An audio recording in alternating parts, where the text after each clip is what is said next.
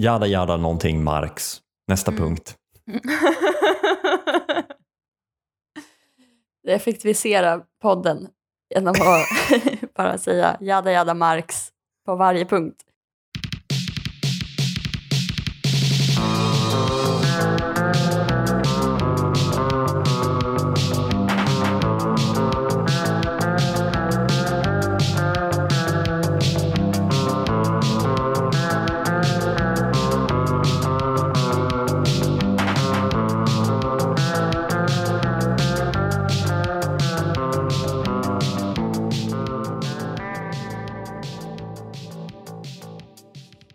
Ellen! Hej Kim! Har jag sagt att jag har lingua geografica? Nej, vad är det? Det, det är ett jättegulligt sätt att säga att jag har någon form av sjukdom på min tunga. Så får den se jätteäcklig ut. Undrar om jag har det här. Men min sjukdom Eh. är i så fall att jag sover med öppen mun. är det det lingua geografica betyder? Nej, men det blir alltså världskartetunga. Eller atlastunga, eller något sånt där heter det på svenska. Aha. Det gör att din tunga ser lite ut som en världskarta. Får man se? Ja, absolut. Det blir bra radio. Ja, där har vi Argentina, ja. Eldslandet.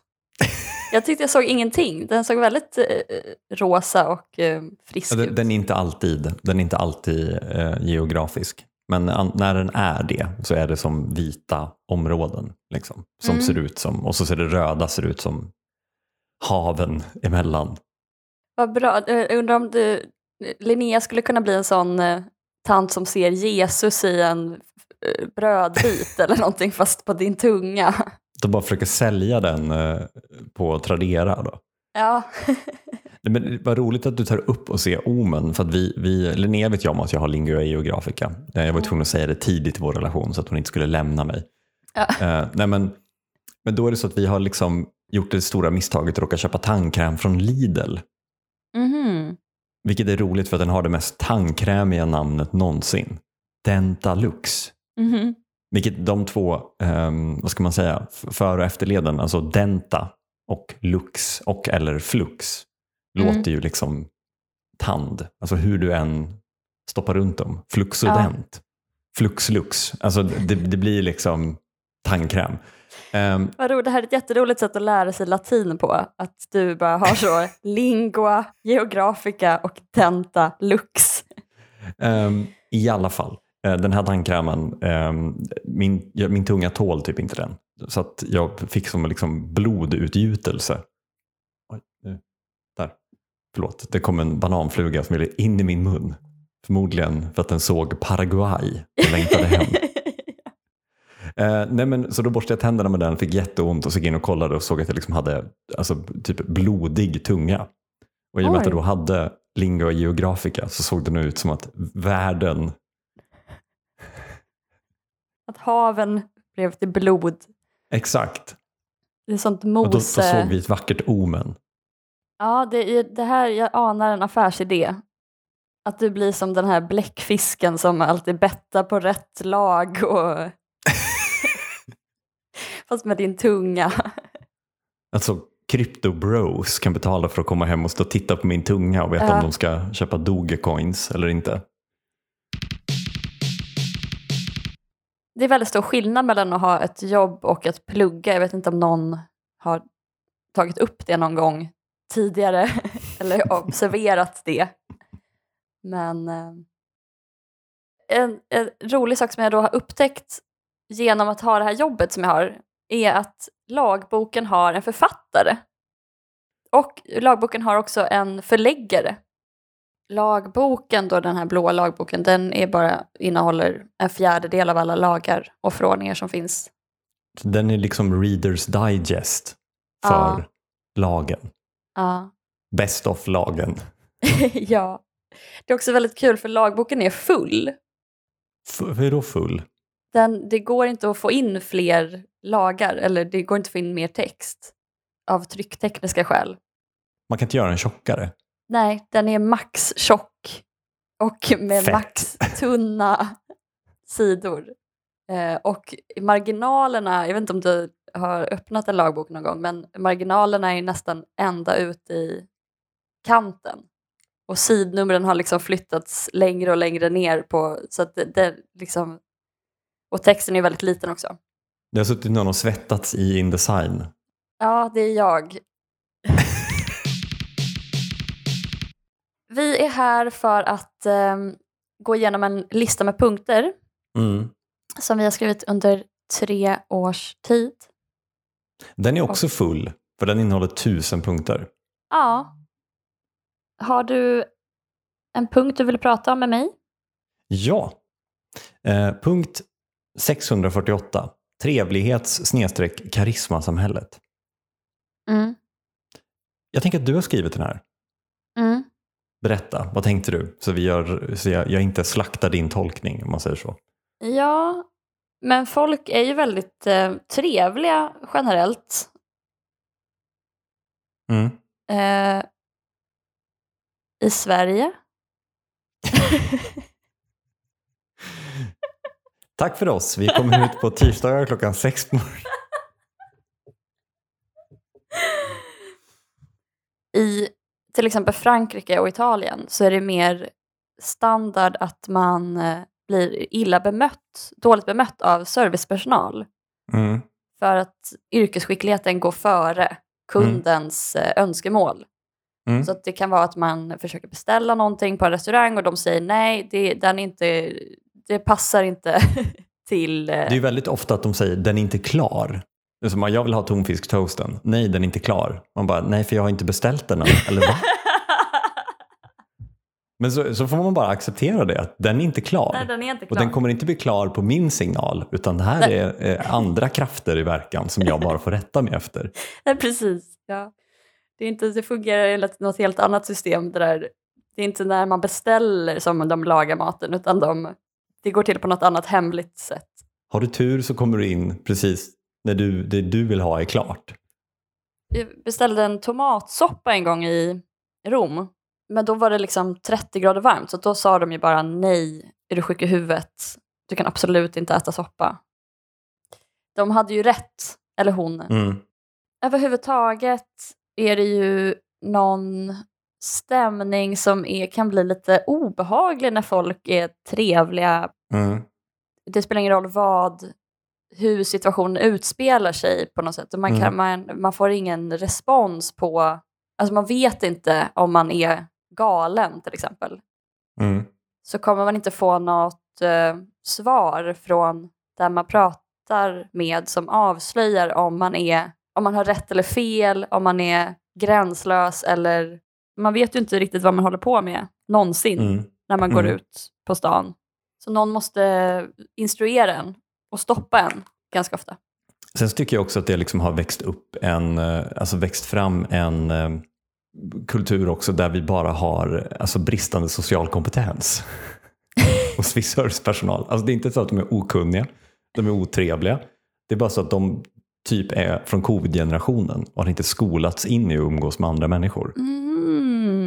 Och nu helt plötsligt så har de släppts ut från hemmen där de har suttit i två år och måste stå på typ espresso house. Mm, mm, Jag lyssnade på Stil i P1 nu, precis innan vi kör igång, Mm. som handlade om eh, det glada 20-talet som kom av sig.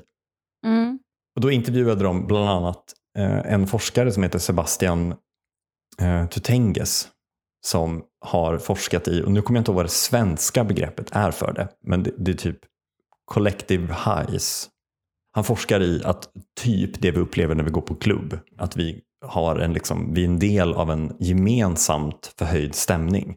Jag Mm. trodde att den svenska översättningen var, och nu lyssnade jag på det här för 20 minuter sedan, så jag borde komma ihåg det, men jag trodde att den svenska översättningen var kollektiv upphetsning. Så jag mm. googlade det för att hitta hans avhandling. Men det visade sig att det var helt fel grej att googla på. Du kom in på Pornhub.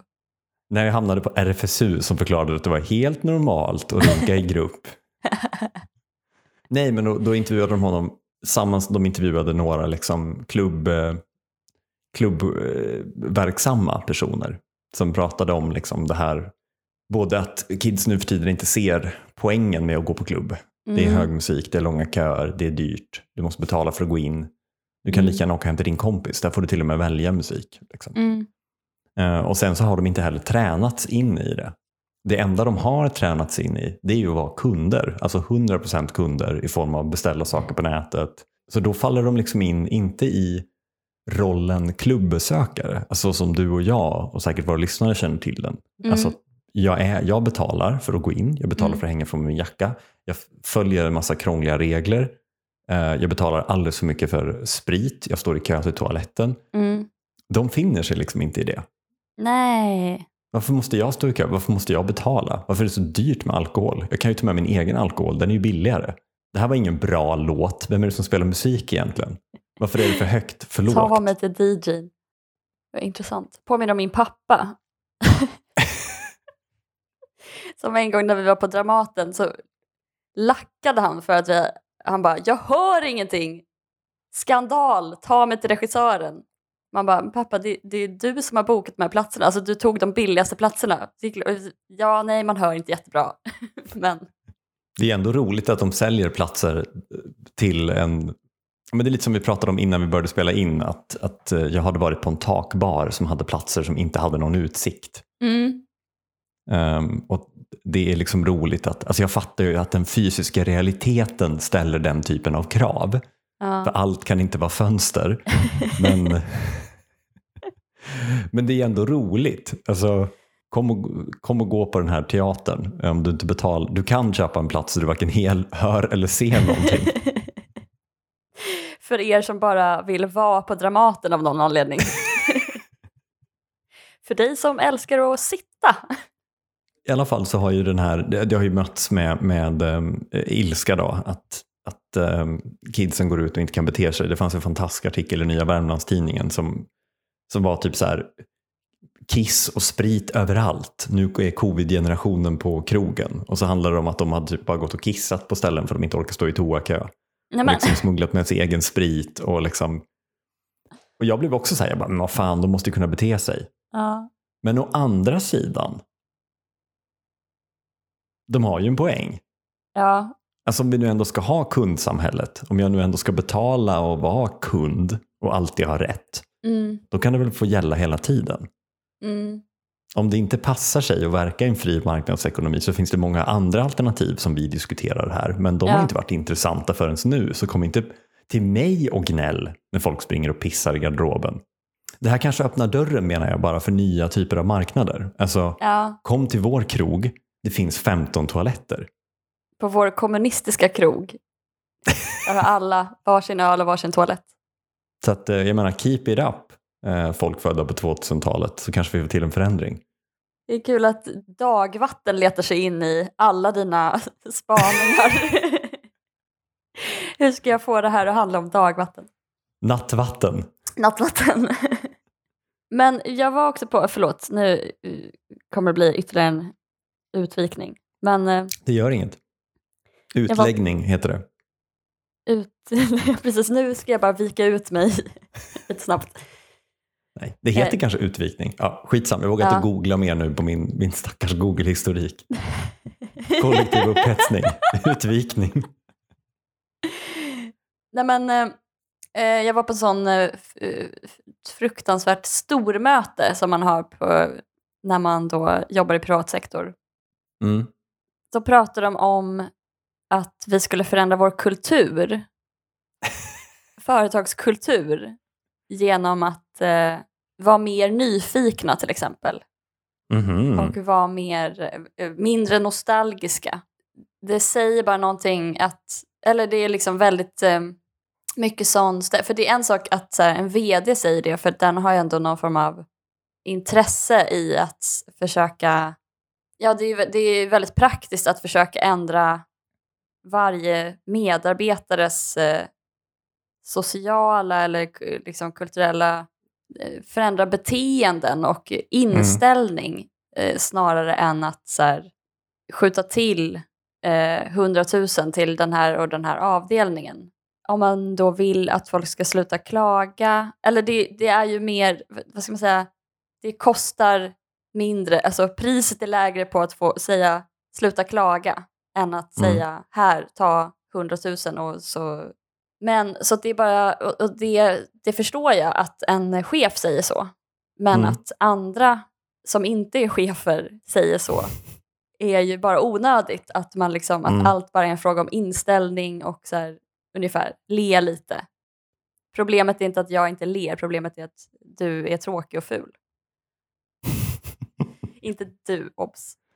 Ja, men det blir lite som motsvarigheten till när man går på en butik och så ser man ibland att någonstans där personalen måste titta för att slutföra liksom transaktionen.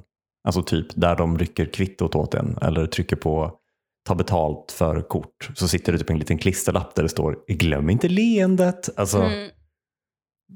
Då kan man ju också, alltså, man hade ju hoppats då att de hade, jag vet inte, alltid haft kontinuerlig glassbuffé Ja, på 65 000 i månaden så att de hade anledning att le ja varje gång de tryckte på ta betalt. Liksom. det, precis. Men det är väl karismasamhället i ett nötskal. Punkt 699. Sociologiskt respektive psykologiskt berättande. Mm. Det som gjorde Game of Thrones bra till en början var något så ovanligt som sociologiskt berättande. Eh, Kommer du ihåg Game of Thrones? Mhm. Vad tyckte du om det? Eh, otroligt bra. Mm. Förutom sista säsongen, som alla. Ja, eh, just det här med sista säsongen, Mm. att den var dålig, eh, läste jag en artikel om att det var för att de bytte sin berättarteknik, eller de berätt, började berätta på det här psykologiska sättet Mm. eh, istället för sitt då, sociologiska berättande som var det som gjorde serien bra till en början. Att det handlade om politiska maktspel, eh, intresse, res- resurskonflikter, samhällssystem och militär strategi. Mm. Folk hade rätt när de sa att det var för få som dog i sista säsongen eller om det var de sista Mm. säsongerna. Alltså det är ju en idiotisk kommentar.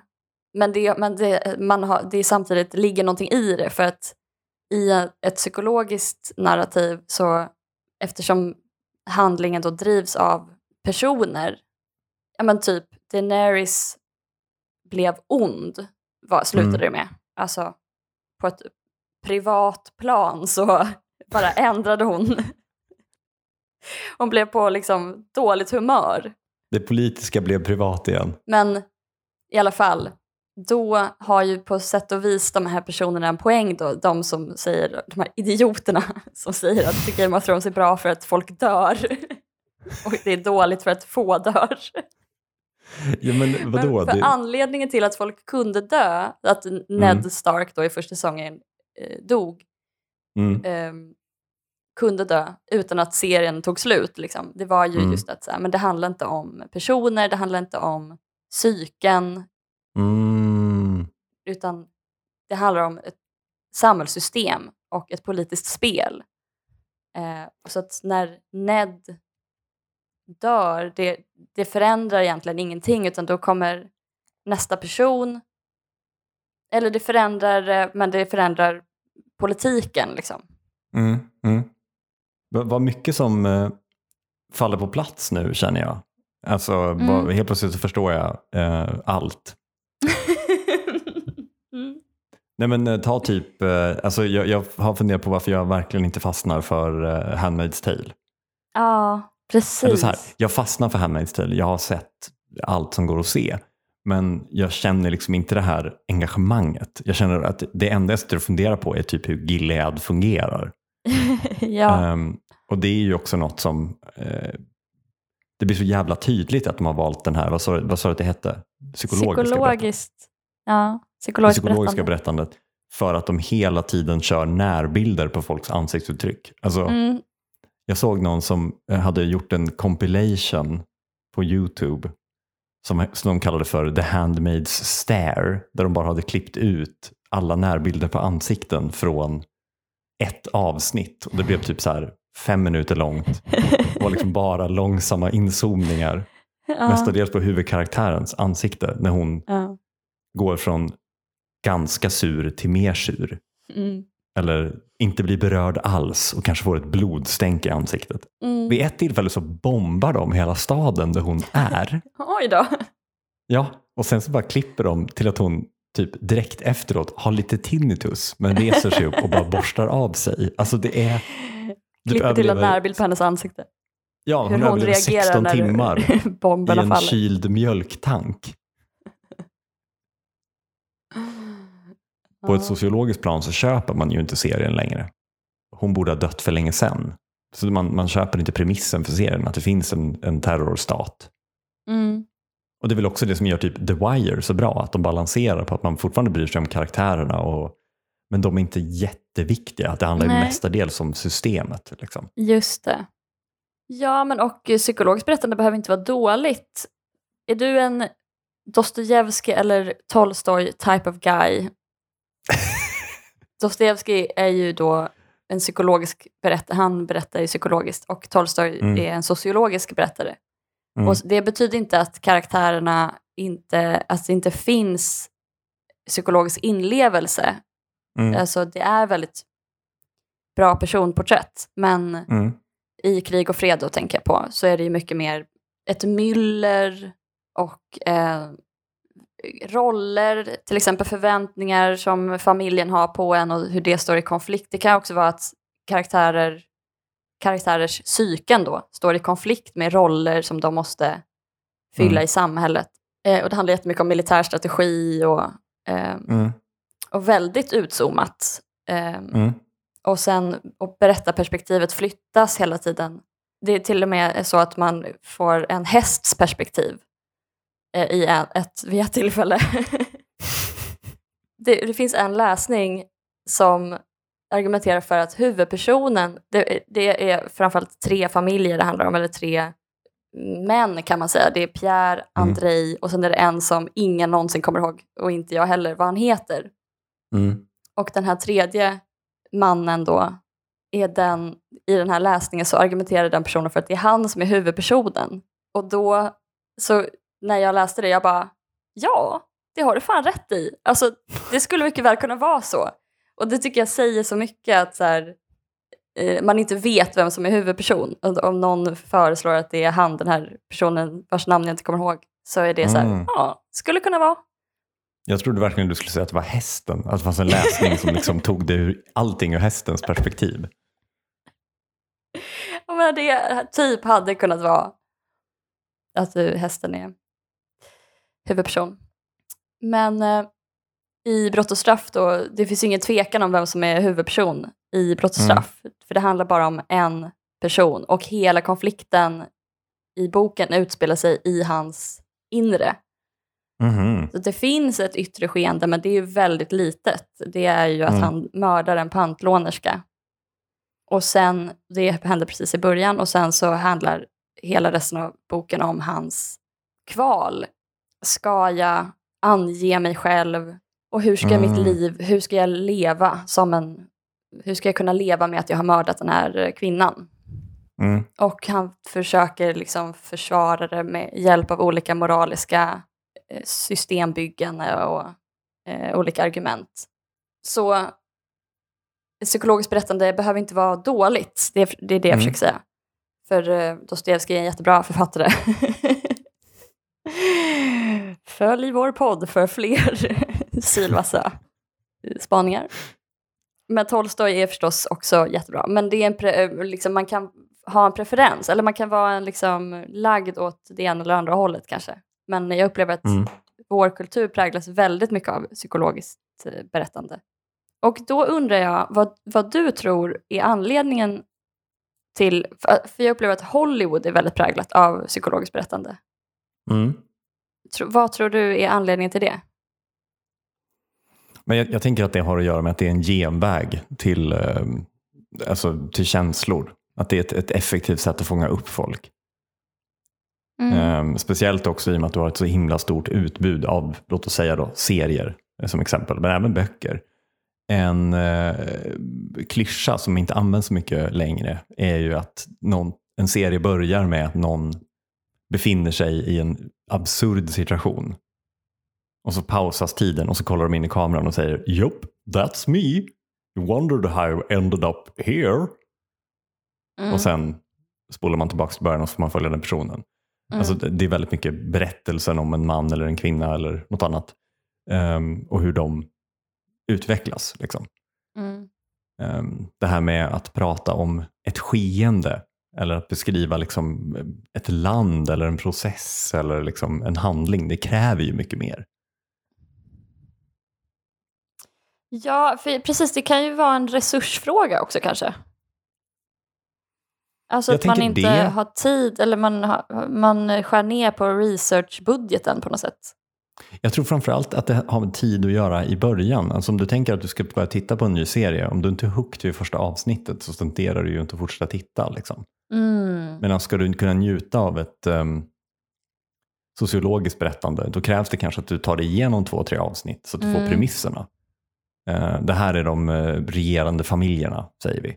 Mm. Och sen presenteras konflikten och deras, de börjar göra sina drag mot varandra. Alltså det är ju jämföra det med ett, ett, um, ett schackspel. Det tar ju en stund att ställa upp pjäserna.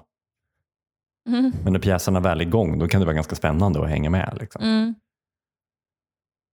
Just det, man måste alltid googla om kungen eller, damen ska stå till vänster eller höger. Det är en liten startsträcka. Pre- Precis. Minnesregel då. D för drottning. E för, uh, för vår kung tvekar mycket. Ja, Men det, det är väl, alltså, jag, jag tänker att det är en enklare form av underhållning att göra. Jag vet inte. Eh, det är väl också något sätt att ge något semiberöm till uh, ens eget liksom, konsumerande. Att man mer tycker om att läsa typ facklitteratur eller litteratur som pratar om, om fenomen eller saker. Mindre än att läsa om den personliga. Alltså, mm. jag blir, känner att jag blir uttråkad eller typ ledsen av att läsa böcker som utspelar sig i en persons huvud. ja verkligen jag med. Det som talar emot det du säger Mm. är ju att du och jag blir uttråkade och ledsna av psykologiskt berättande. Mm. Så det är ju uppenbarligen inte engagerande för alla. Samtidigt som folk är ju tokiga i The Wire och älskade Game of Thrones Mm. och folk älskar krig och fred. Och till och med är det ganska vanligt att ja, vara av åsikten att krig och fred är bättre än brott och straff. Öppna inte den dörren. Den episka rap-battlen som har pågått i så många år. ja. Ehm, men det är ju längre startsträcka, tänker jag. Alltså det tog skitlång tid innan vi kom in i, i Game of Thrones. Samma sak med The Wire. Att man, man, behöver, man behöver veta att det här är så jävla bra. Mm. Men då tänker jag att alla inte blir underhållna. Alltså du och jag tillhör ju, vi har ju svart på vitt att vi inte blir underhållna av psykologiskt berättande. Så att någon måste väl catera, även om vi nu har en fungerande marknadsekonomi så måste någon catera till vårt underhållning, vår preferens för vad som är underhållande. Men det är därför det finns SVT Play. Så att de kan göra så här 19 minuters dokumentärer om en bro. Ja. Skogskyrkogården Uncut såg jag på Öppet arkiv. Bara någon som panorerar över Skogskyrkogården. Jag har ju sett spårhinder på SVT Play typ sex gånger. Vad är det? Det är en eh, alltså typ 19 minuter lång dokumentär om ett, eh, alltså, typ ett farthinder, men det är ett fordonshinder. En viss typ av bilar kan inte åka förbi där. Så det är bara en kille som har ställt sig och filmat folk som försöker ta sig förbi ändå och typ fastnar. Ah. Och så går han fram, så intervjuar han några byggnadsarbetare och några alkisar som hänger runt där. Och liksom, så går han fram och intervjuar dem som har krockat eh, och bara, vad tänkte du? Jaha, det är jätteintressant. Det är jätte, jättekul. Det här, Eh, då, nu vet jag vad jag ska göra i, ikväll. Han har också gjort en, en film som också heter typ så här, Den där jävla slussen. Som också bara handlar om själva slussenbygget. Ah, det vill man ju se. Ja, det, det, Det finns. det, finns, det finns för sådana som dig och mig också. Ja, Vi behöver inte bara läsa rapporter för att ta del av beskrivningar av skeenden. nej. nej. Det är otroligt att folk är så ointresserade av skeenden och eh, händelser. det här specialintresset händelser som vi har. Men jag kan, tycka, alltså jag kan tycka att det är en kollega till mig som brukar få lyssna på P1. Han vägrar lyssna på P1 för att han bara, de intervjuar bara en undersköterska hela tiden på P1 om vad hon tycker. Mm, mm. Jag tycker det, det ligger någonting om det. Alltså vad som än händer i samhället så springer man och hittar en undersköterska som har drabbats av det. Ja, verkligen. Ehm, Det tror jag är vanligt i vår rörelse, att man upplever att den besattheten med enskilda individer håller tillbaka alltså, gruppens väl. Gud vad det låter hemskt när man säger det så. Vi bara skjuter den här undersköterskan som drabbas av allt så skulle vi kunna gå framåt som art. Utilitaristiskt. eh, Ja, precis. Hon drar ner stämningen för alla. Den här Men så här, om vi alla ska vara i ett rum i tio minuter och det är jävligt kallt så är det ju en tjej där inne som kan välja att kissa på sig. Mm. Så blir hon varm under den lilla perioden vi ska vara där inne. Mm. Men då kommer vi andra behöva stå i kisslukt. Mm, just det. Väldigt Och jag känner att vi, vi tokar i den här kvinnan nu som vill kissa. Ja, alla är hon. Ja. Kisskvinnan. Men, nej men precis, var, du pratade också i något eh, avsnitt ganska nyligen om eh, true crime-dokumentären om svensk förlossningsvård. Ja, Och eh, även Jesper Röndahl har ju gjort då, med, med glimten i ögat ska väl sägas, eh, en true crime om skolan. mm. Att eh, han säger att ja men nu, nu gör vi det här som en true crime så att folk lyssnar. ja men det är ju på något sätt alltså, en lågt hängande frukt men väldigt bra satir på det sättet. Ja. Alltså bara i formatet i sig själv. Liksom. Mm. Det är ett ganska kul Alltså- skämt. De borde ju göra en true crime om klimatkrisen. Mm. Modermord.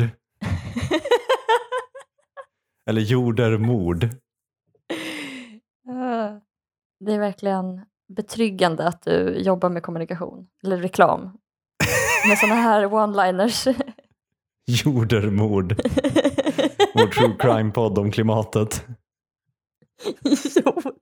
Jordermord. Tack för den här veckan Kim Eklöf. Tack Ellen Theander. Vi kommer ut på tisdagar klockan sex på morgonen. Lagom till morgonlöprundan.